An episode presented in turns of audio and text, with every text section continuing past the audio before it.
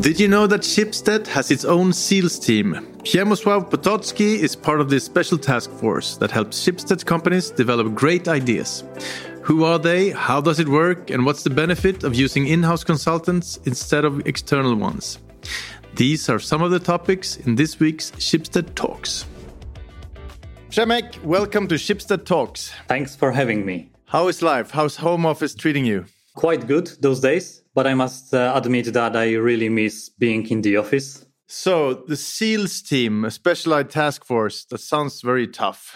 What is that? Well, I would say we are tough when it comes to code and quality, but when it comes to the people, we are more like furry sea mammal with big sad eyes, soft and sweet. Oh, always nice to work with. Yes. Tell me the purpose with the SEALs team. Well, we are project-based team, so if you have project that doesn't uh, necessarily fit into single brand or your current needs, maybe you want to build proof of concept, that's us we are here to build that then. How many are you? Currently, it's 20 people. It was uh, just six when I started. And you're based in Poland, in the same city, or, or where are you? We are in the two offices. Uh, majority of the team is in Gdańsk, and the second smaller part in Krakow. Why is it better to use you than uh, to just go and have find an external consultant? I mean, are you quicker, better? So uh, important for me is to understand that there is difference in understanding of consultants in Scandinavia and in Poland. We have already learned that. It's critical to understand we are not full of resources, so we can just pick one, use and return. We work as a team, so it's rather projects coming to us than any single of us joining external projects. Are we any better? Well, that's a depend on measuring factor. I would say we are really good. Uh, quicker, I don't think so. We are just quick enough. But uh, most importantly, we are fully integrated Schibsted team. We know and understand its ecosystem. We are familiar with common components and strategies. We have full access to its systems. And uh, we have already established a lot relationships with different people and teams within Schibsted. Yeah, I got a little bit cu curious there as a Swede. You compared Swedish consultant with Polish. Is there what's the difference? I think the idea of consultant is uh, in Sweden is something that you just pick, you use and return. You just forget about it. And uh, we are not like that. We are. You're not a one night stand. Yes, exactly. We are. That's good comparison. So say that I have this great idea for a real estate application. How do I uh, get the SEALs team to work with it? Do you have time right now, th this winter? Our main advantage should be quick start of project too. Uh, you know, but uh, currently it would take around four weeks for us to onboard to anything new. Uh, and how do you start? Well, you just reach me, we talk, we discuss your needs, we create maybe some simple workshop to narrow down the scope, and we go ahead. That's it. And that's it. I don't have to call some fancy Norwegian manager. Well, not necessarily. Uh, you know, we take into consideration the common strategy, the needs of different stakeholders, our current workload. But in the end, it's us who needs to evaluate if uh, we have the skill set that fits your need and uh, the time. So it's our decision in the end because no one knows that better than us. What are you working on right now? There are uh, 12 different projects in our uh, workload right now. So I don't want to say about all of that, but I think uh, something, of course, that many people already heard is Aftenposten Juniorskole, one of the biggest projects uh, that we work on.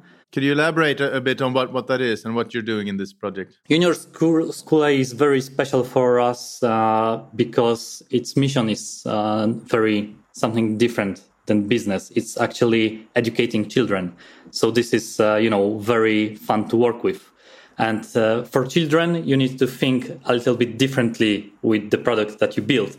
So this is also huge learning for the team, and uh, it's just fun to work with. How was the time frame on that one? You've been working on that for a long time, right? Yeah, that, that's beyond the usual scope because usually we take projects that take between two and six months but with Junior School, it's already more than two years.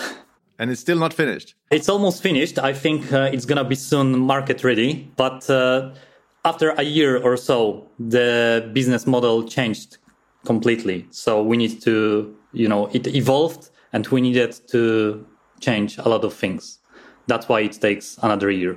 And say that you got this project going. I mean, how how do you go about uh, managing your team? What would you put in there? UX designers. I mean, explain you know, with the long Schibsted's tradition of reorganizing, we also reorganized ourselves because when it was six, it was easy.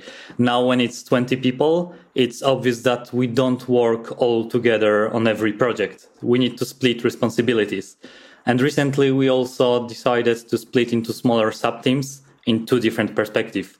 So we have these project leads who make sure that the projects are delivered with the highest quality. They speak with stakeholders, they understand the domain, and so on. And then we have also team leads, which uh, just make one on ones with everyone and take care of every single team member. So uh, even though it's 20 of us, I think this model is flexible enough so we can even grow maybe.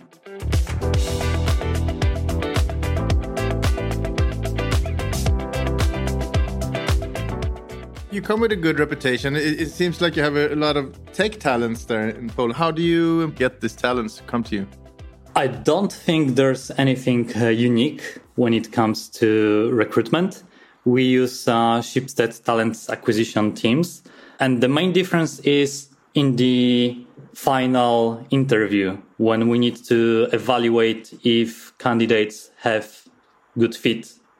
And the difference is that they need to have this skill of flexibility. They need to be able to switch their mind quickly between things because they can work sometimes in multiple projects at once.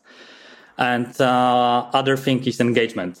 With this model, we also need to be sure that they are eager to deliver on their own instead of just waiting uh, for the tasks.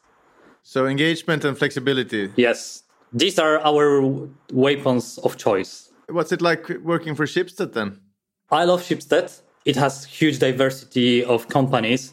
And since we have mandate to work with all of them, we are never bored. But uh, I think that one thing that you can dislike, I've been here for more than four years, and I already went through two different reorganizations. So, uh, and the complicated matrix that it's usually created after that's something that uh, you can dislike. But other than that, I would say Schibsted is just wonderful place to work, and I hope to be here for quite some time yet. So th these are special times. You're based at home, but in a normal world, uh, say that we were to build this real estate application, would you and your team come here? We would definitely be pleased to meet you face to face, build uh, initial relationship, but that's just to onboard and to maybe narrow down the scope the overall work is being done in our offices in Poland. I'm interested in one thing. You built this wine application, right? Yeah, we did that too. That was a long time ago. It was fun project. What was it and how did it turn out?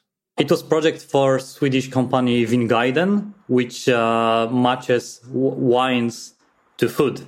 So the, it, it, was crazy because it turned out that there are probably a few dozen uh, features of wines that describes the wines and then the sommelier matches that to some food.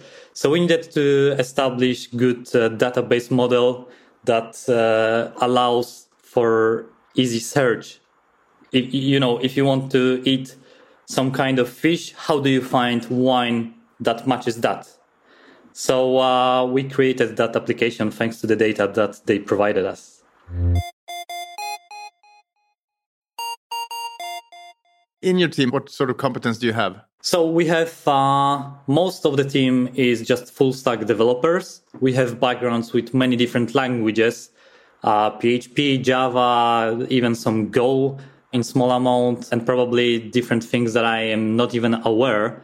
But our main focus is right now to build uh, applications in JavaScript stack.